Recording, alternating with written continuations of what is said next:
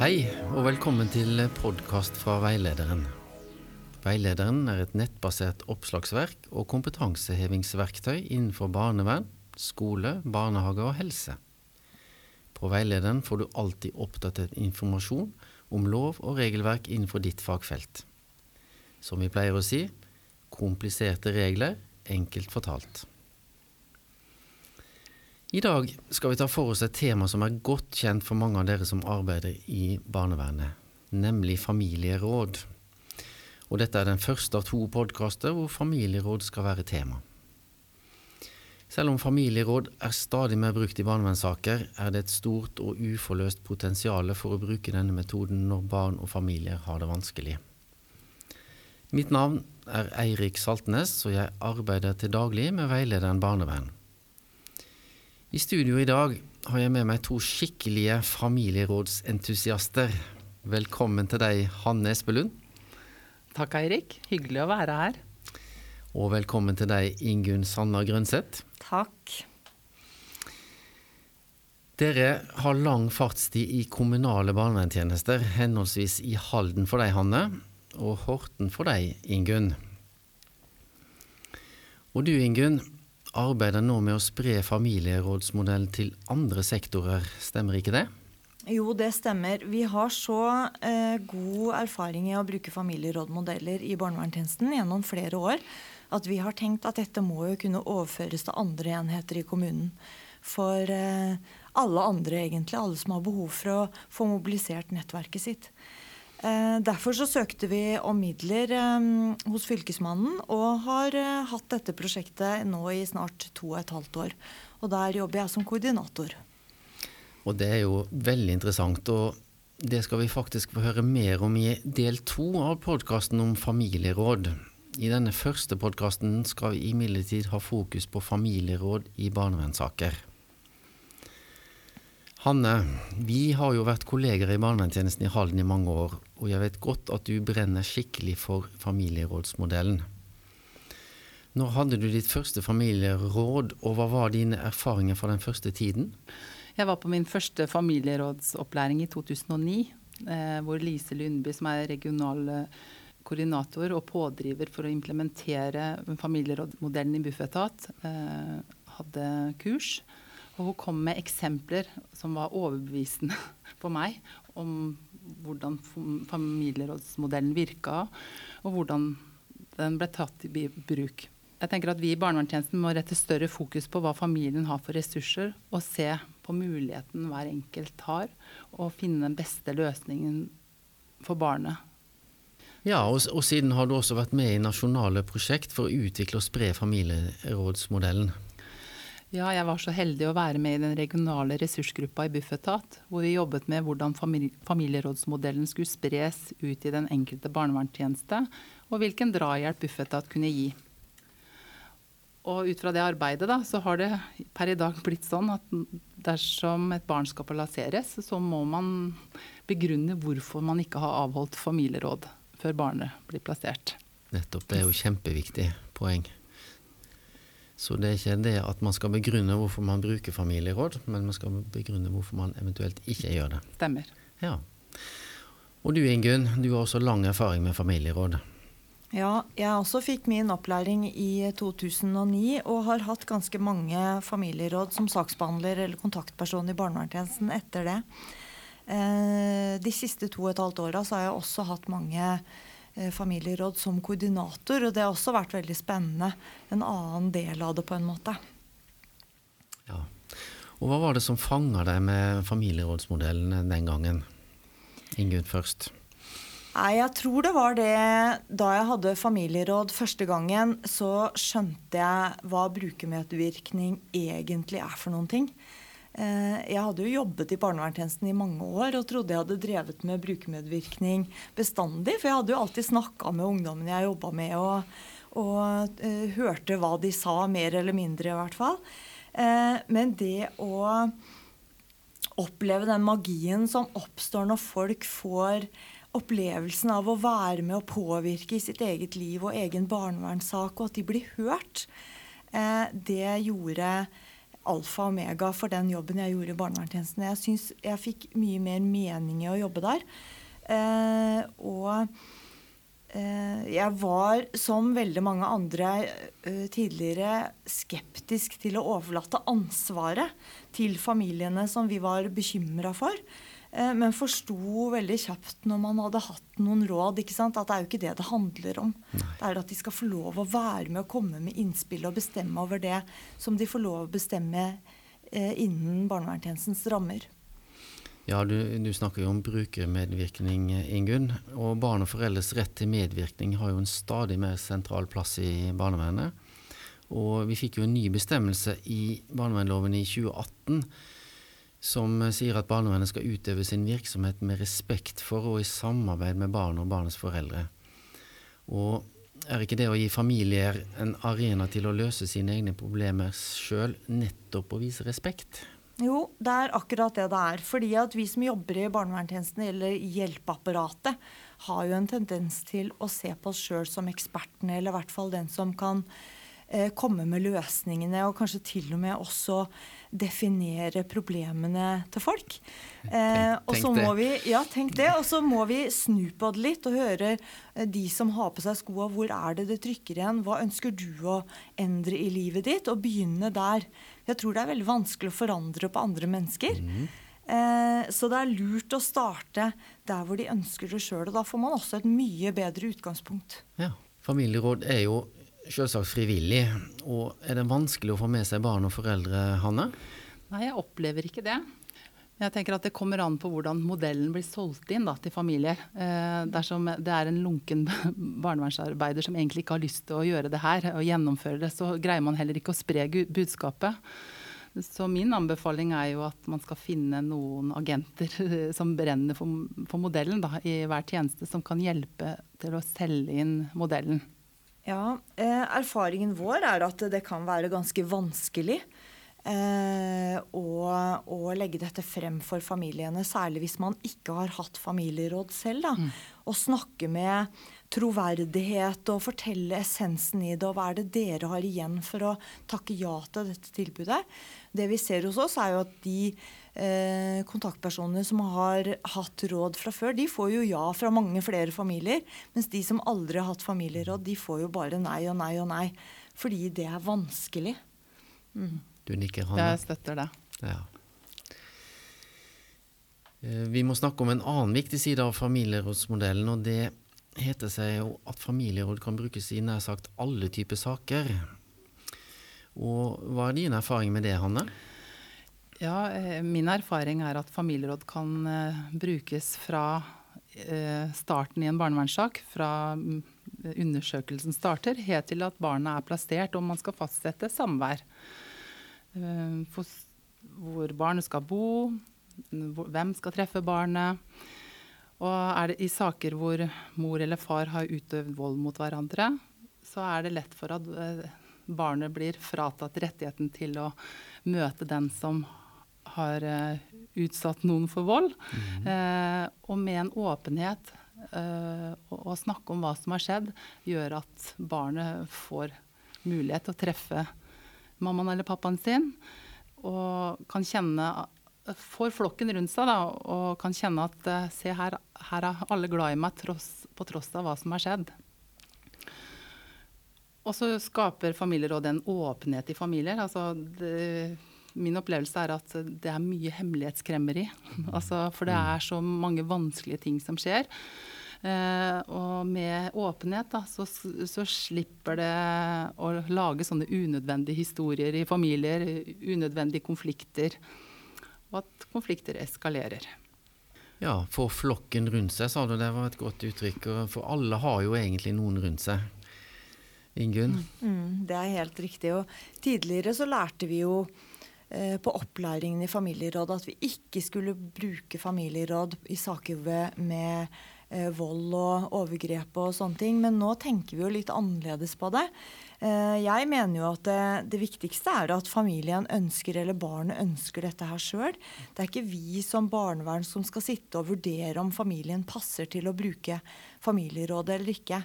Eh, selv om det har vært vonde situasjoner i forkant, så går det an å gjennomføre familieråd hvis barnet sjøl får lov å være med å eh, bestemme hva rådet skal handle om.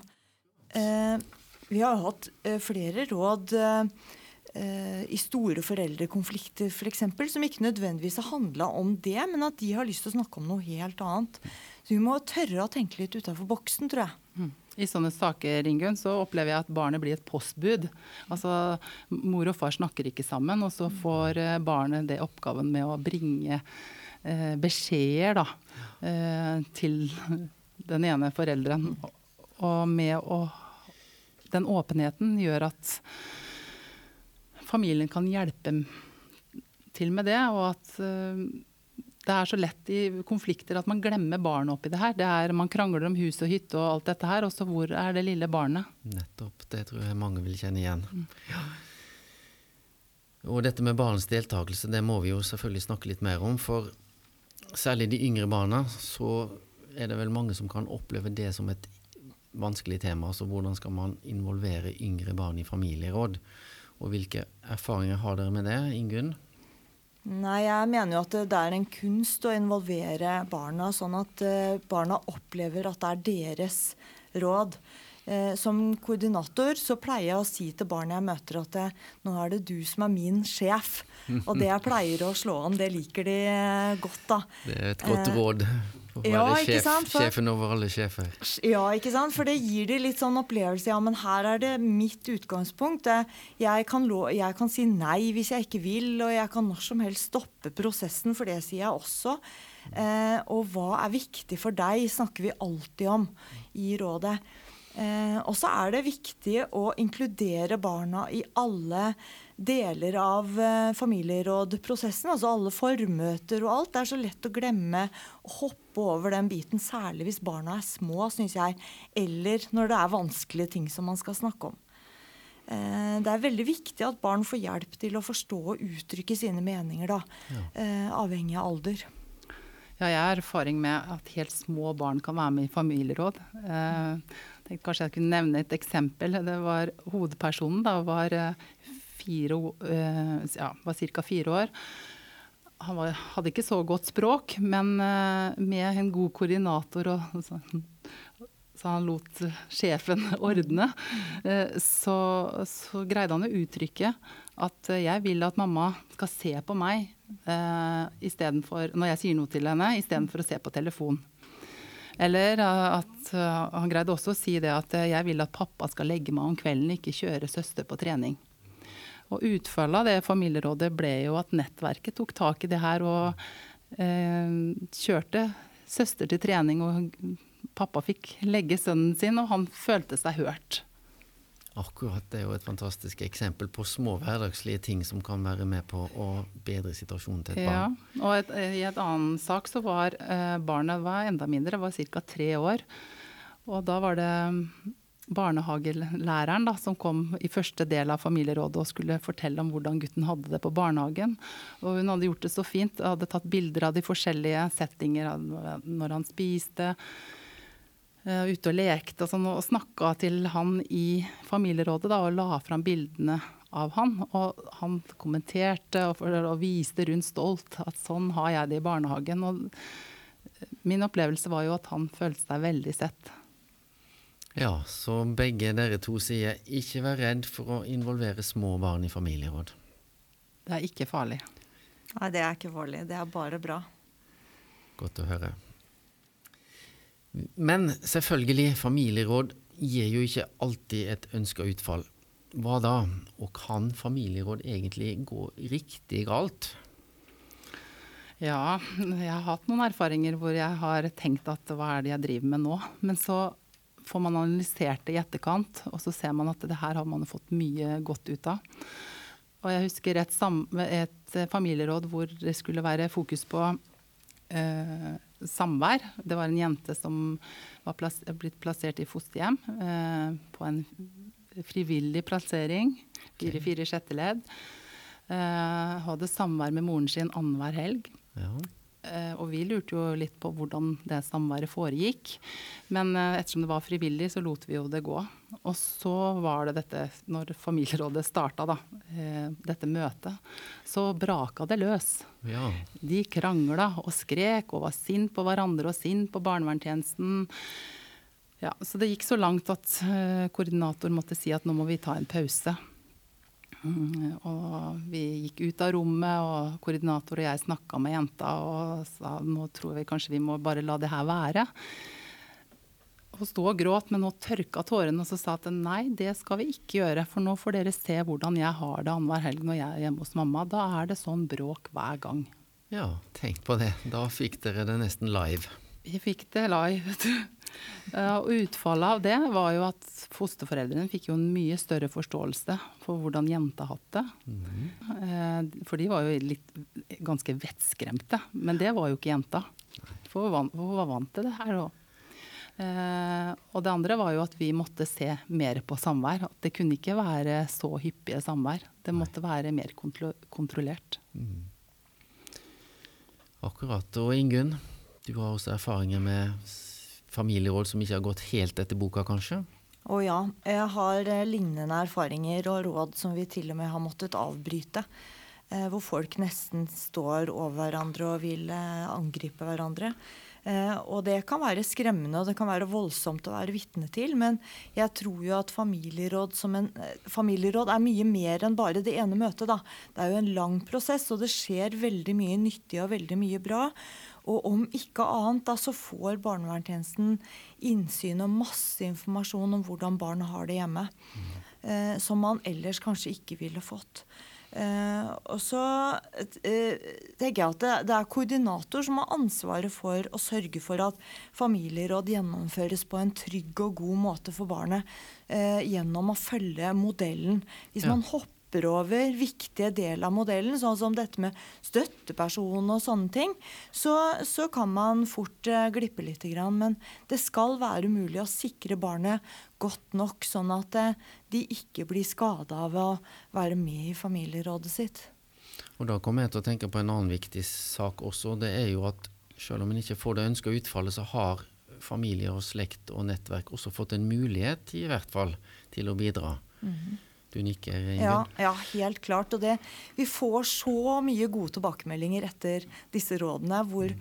folk kommer og takker oss. Og, og 'tenk om vi kunne gjort dette her lenge, lenge før', er det det som går igjen. Jeg er så enig. De, de bare sier 'hvorfor har vi ikke visst det her før'? Det, er det sånn det er? De har fått malt en annen historie. Akkurat. Ja, godt å høre. Og det er jo også sånn at andre hjelpetiltak i barnevernet heller ikke alltid gir det utfallet som man skulle ønske seg? Å nei, vi har mange, mange erfaringer på hjelpetiltak som ikke virker. Nettopp. Dessverre. Så at ikke alle familieråds, eh, familieråd eh, gir ønska utfall, er heller ingen katastrofe. Nei. nei. Eh, det er jo sånn at eh, familieråd krever noen ressurser. Hva vil dere si til de i barnevernstjenesten som har ansvar for budsjett og pengebruk? Nei, altså Først har jeg lyst til å si litt om tidsbruken, for det er også ressurser. Eh, jeg tror jo at veldig mange saksbehandlere er veldig redd for å få mer å gjøre når de setter i gang familieråd, mens erfaringene er at på sikt så, så blir det mindre å gjøre fordi at familiene blir med på å ta noe av det som barnevernstjenesten i utgangspunktet hadde tenkt at de skulle gjøre. Eh, det er erfaringen. Og så tror jeg også at man kan spare mye økonomisk gjennom flere familieplasseringer. Og kanskje også flere frivillige plasseringer, og unngå omsorgsovertagelser. Fordi at gjennom familieråd, når de får lov å være med å bestemme, så blir det mindre tvang også. Eh, bedre samarbeid og mindre tvang, og at i noen tilfeller eh, har jeg også opplevd at barnevernstjenesten har kunnet avslutte saker som vi i utgangspunktet tenkte var veldig alvorlig, fordi vi ser at familien kompenserer såpass mye. da. Mm. Og at vi da kan være trygge på at ja, men denne familien de kjenner oss, og de kommer til å gi beskjed til barnevernstjenesten hvis dette her ikke er bra nok. Ja, nettopp. Hanne? Ja, det er eh, bra sagt, Ingunn. Familier, og det koster. Men uh, etter mitt skjønn så får man mye igjen for pengene. Uh, Det er sjelden snakk om økonomi i familierådene. Det er vanlig at familiemedlemmer åpner opp og sier at men så klart vi skal hjelpe. Vi visste ikke at det var sånn. Eh, så klart vi skal hjelpe til med å kjøre til, mm, til trening, eller eh, jenta kan komme til oss en helg i måneden, eller vi kan hjelpe mm, til med å gjøre lekser osv. som ellers barnevernstjenesten måtte ha fatta vedtak om. Da. Så ja, det koster penger. Det er vinn-vinn. Og så tenker jeg det må lederne tenke på. Uh, og få, man får ikke til denne modellen hvis ikke det er lederforankra. Ok, det er et viktig poeng, Hanne. Det må du si bitte litt mer om. Ja, jeg er jo den oppfatning av at uh, man kan ikke forvente at saksbehandler skal gjøre dette her alene og overbevise lederen sin om at det her er det rette tiltaket. Det må være lederen som uh, har tro på, på modellen, og at, man, at, det genererer så mye, da. Og at familieråd blir et tiltak på lik linje med alle andre tiltak i barnevernet. Ja. ja. Det er helt sikkert riktig. Og nå snakket vi litt om økonomi, og det aller viktigste selvfølgelig med familieråd er jo å spare eh, barn og foreldre for belastninger med fylkesnemndsaker eksempelvis, eller andre ting. Det er jo det aller viktigste. Mm. Men eh, vi kommer jo heller ikke bort fra ressurs- og økonomispørsmål. Nei. Men det var godt å høre at uh, dette er et eh, godt prosjekt i den sammenhengen også. Men Eirik, kan uh, kan jeg komme med et eksempel da? Kom Når igjen, du nevner, det med fylkesnemndsbehandling. fordi at vi hadde en sak hvor fylkesnemnda sa at dere har ikke, dere har ikke sett på nettverket godt nok. Det er fins det ressurser. Så vi fikk ikke gjennomslag for, uh, for, saken i fylkesnemnda. Så vi måtte ha familieråd. Og vi hadde fem familieråd. Oi, fem ja, stykker. Fem stykker. Eh, og fra å skulle ta omsorgen fra gutten, så var det jo overveldende for familien i det første familierådet å få høre hvordan gutten hadde det.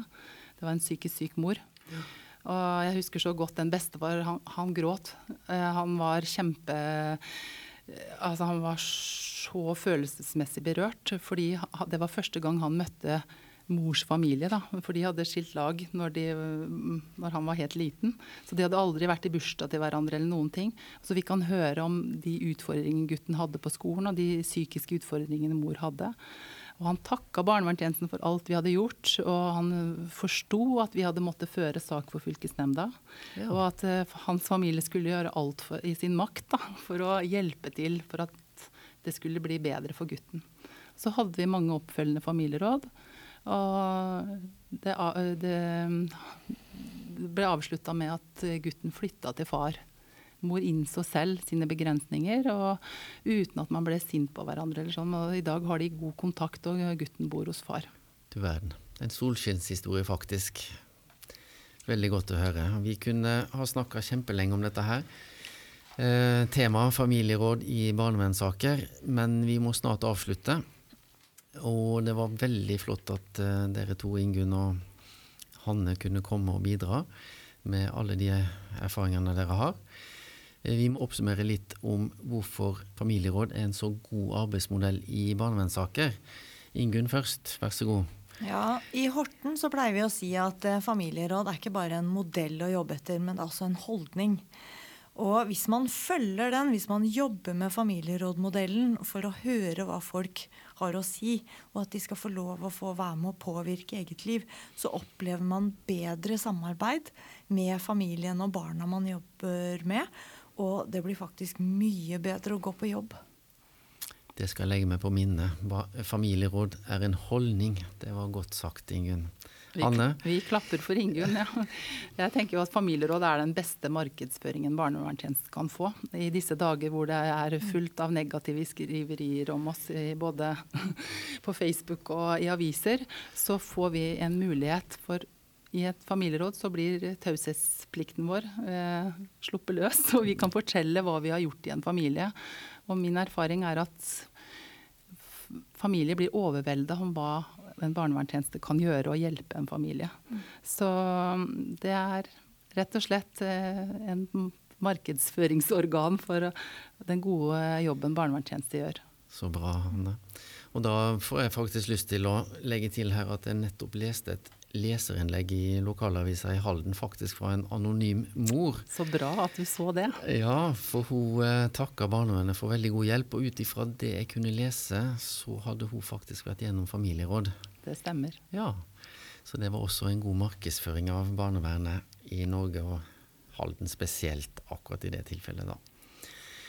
Ok, da skal jeg si takk for nå. Og så vil jeg gjerne anbefale del to av denne podkasten om familieråd. Eh, for da skal vi se litt på dette med familieråd brukt i andre sektorer utenfor barnevernstjenesten. Og da er det jo eh, prosjektet i Horten som skal være i fokus. Så velkommen til å høre på det, og takk igjen, Hanne og Ingunn. Mm, takk for meg. Takk for oss.